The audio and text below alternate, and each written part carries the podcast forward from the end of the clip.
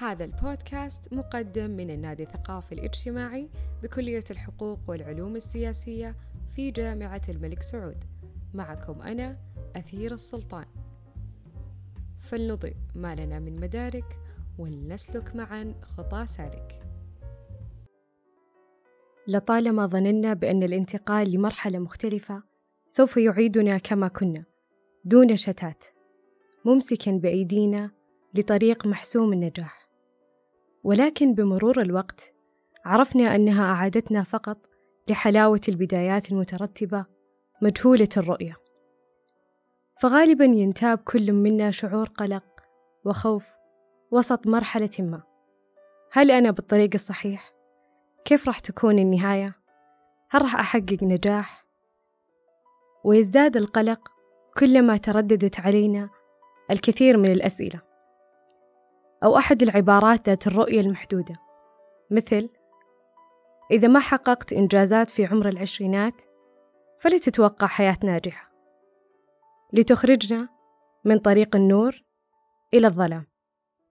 والإبحار في هاجس التوتر والقلق. تجعلنا ندور في حلقة مفرغة مرة أخرى باستمرار. نخشى السير ونتردد في السعي.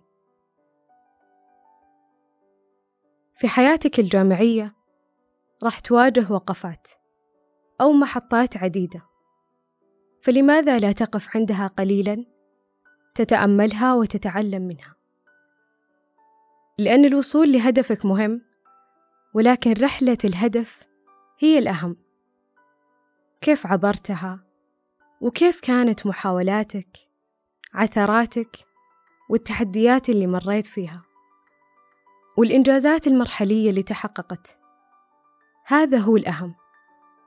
فليست الوجهة أو الهدف سوى نتيجة ختامية أو نهائية لسير الرحلة. فأحسن استثمار الطريق. ولأنه لا يعلم مشقة الرحلة إلا من عاشها. فمهما أعددت نفسك لتلقي العواصف ومجابهة الرياح لن تدرك المعنى الحقيقي إلا عندما تعيش هذه اللحظات.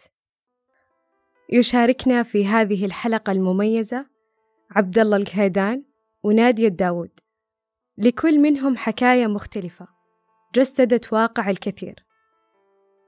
عبد الله هو خريج عشرين واحد وعشرين من كلية الحقوق والعلوم السياسية بتخصص الحقوق. ونادية طالبة في كلية التربية بتخصص أخصائي نفسي.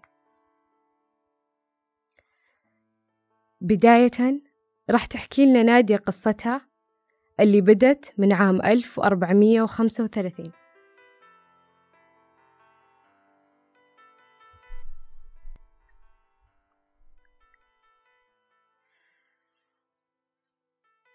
بدت قصتي من بداية دخولي الجامعة عام 1435 من, ثنا... من ثمان سنوات تقريبا.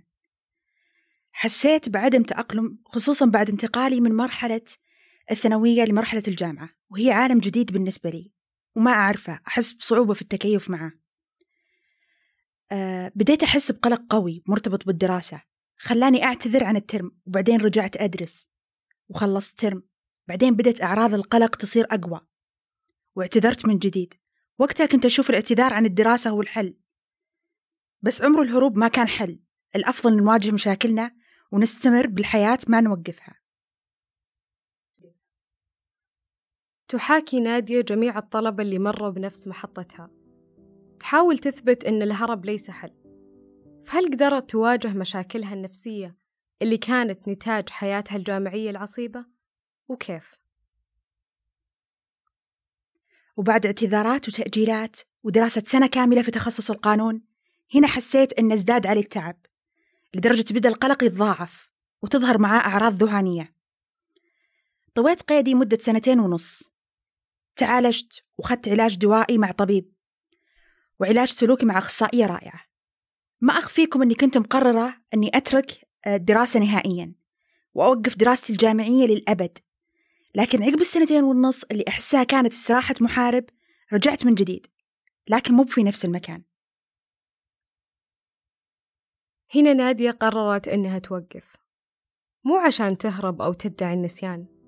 لا بالعكس.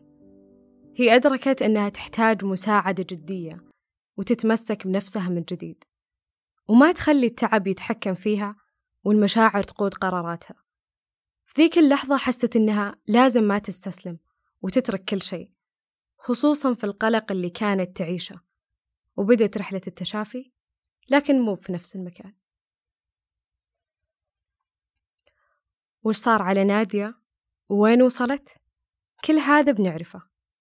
لكن قبلها خلونا نسمع حكاية عبد الله. بسم الله. أكثر أيام الدراسة ضغط هي أكثرها رسوخ في بالي الوقت الحالي. أتذكر في أحد الفصول الدراسية كان في مادة كنت أتحاشاها بشكل غريب لدرجة إني يعني حذفتها. وأنا ماني من النوع اللي يعني سهل في حذف المواد أو أو تأجيل أترام إلا في أضيق الحالات وهذه كانت أحدها. أجلت دراستها ونزلت مكانها مادة اختيارية. ما كنت أدري ليش يعني هذه المادة بالذات كان لها رهبة ولها هيبة عندي بشكل غريب.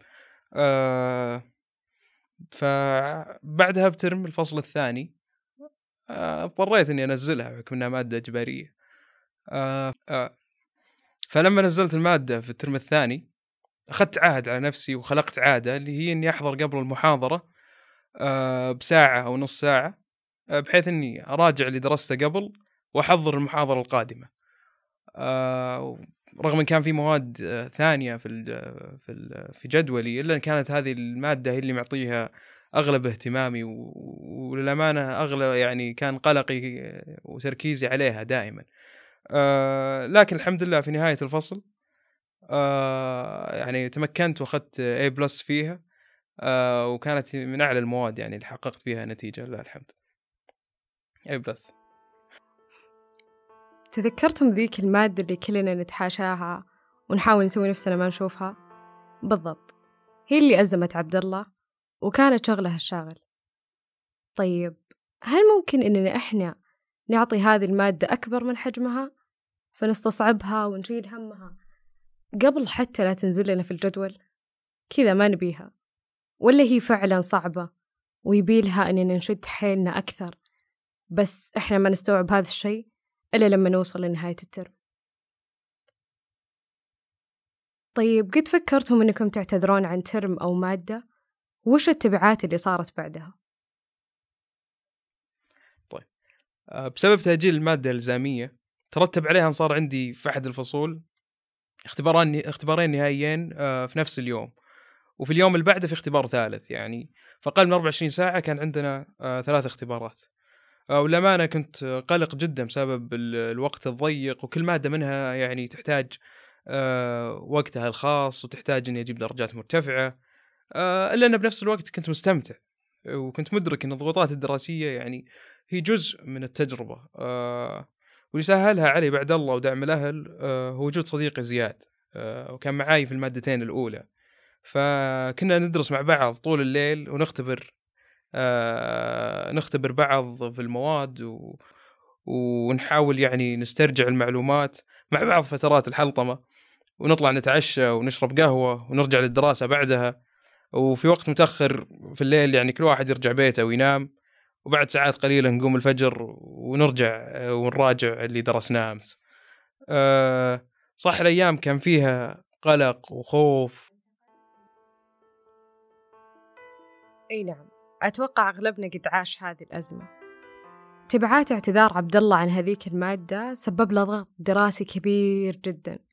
ولكن نقدر نقول إنها جعلت له ذكريات مع زميله زياد ممزوجة بالكوميديا السوداء نوعا ما. من ضحك لتحطم لحماس وأدرينالين عالي وخوف وقلق. ولكن هذه هي لذة الرحلة والمتعة تكمن في الأزمات اللي تتخللها هذه الرحلة وفي سعينا للوصول.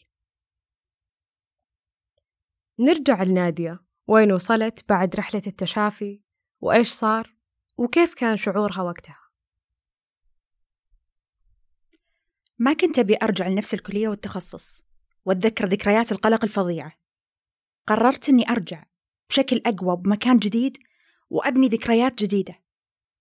بالرغم من اللي بعمري تخرجوا وأنا توني ببدأ من البداية من جديد. دخلت تخصص أخصائي نفسي واكتشفت إن هو شغفي الحقيقي وهو مكاني المناسب. حسيت اللي صار لي والسنوات اللي مرت خيرة. ما مرت من عبث كل شيء بحياتنا له حكمة. عقب المعاناة والتعب بديت بداية جديدة. بشغف جديد ودافعية أقوى. قررت أني أكون سبب في شفاء شخص يعاني من مرض نفسي لأني مريت بهذه التجربة. وعرفت شعور أنك تمر بتعب جسديا يقولون لك أنت سليم لكنك منهك مرهق من جميع النواحي. ولأن المرض النفسي يعيق الحياة. لو ما تعاملنا معاه التعامل الأمثل قررت أكون مسؤولة عن توعية مجتمعي وحط لي بصمة واضحة في مجالي كأخصائية نفسية.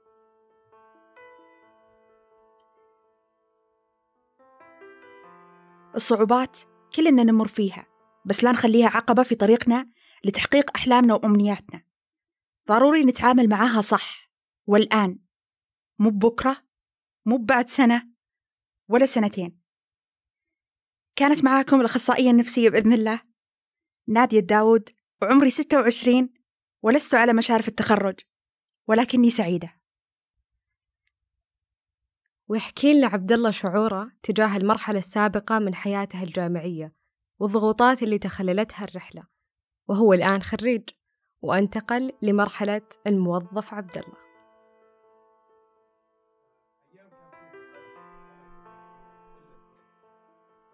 أيام كان فيها قلق وخوف من المجهول وقلة نوم إلا أني الآن كمتخرج أستذكرها من أفضل الأيام الجامعية وأمتعها. آه، الضغط ما يعني انك ما تستمتع، إذا انتهت هذه المرحلة لن تتكرر ابدا ولو جربت أنك تعيد دراسة البكالوريوس أو تكمل دراسة الماجستير وغيرها. آه، المرحلة راحت لم تتكرر فاستمتع في عيشها. تعلم جرب عيش عيش روحك الشبابية اللي فيك استكشف صحيح في ضيق بالوقت صحيح في بعض القلق لكن لا يعني تكون حياتك الجامعية فقط بين آه، مقاعد الدراسة وبين الكتب الجامعية واختبار وبحث وتخرج وبحث تخرج وانتهينا. آه، طبيعي إنك تقلق من المجهول طبيعي إنك تنضغط طبيعي إنك لا تجد وقت متسع للراحة طبيعي إنك تخشى من فشل خطتك لكن من غير الطبيعي لا تستمتع في الرحلة. كلها رمشة عين ستجد نفسك تخرجت بديت مرحلة جديدة مختلفة عن اللي جربتها واللي أنت فيها الآن.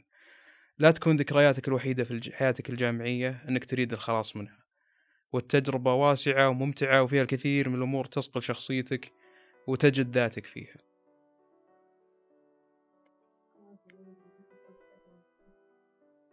قصة نادية تجسيد حي لقوة الإصرار والصبر.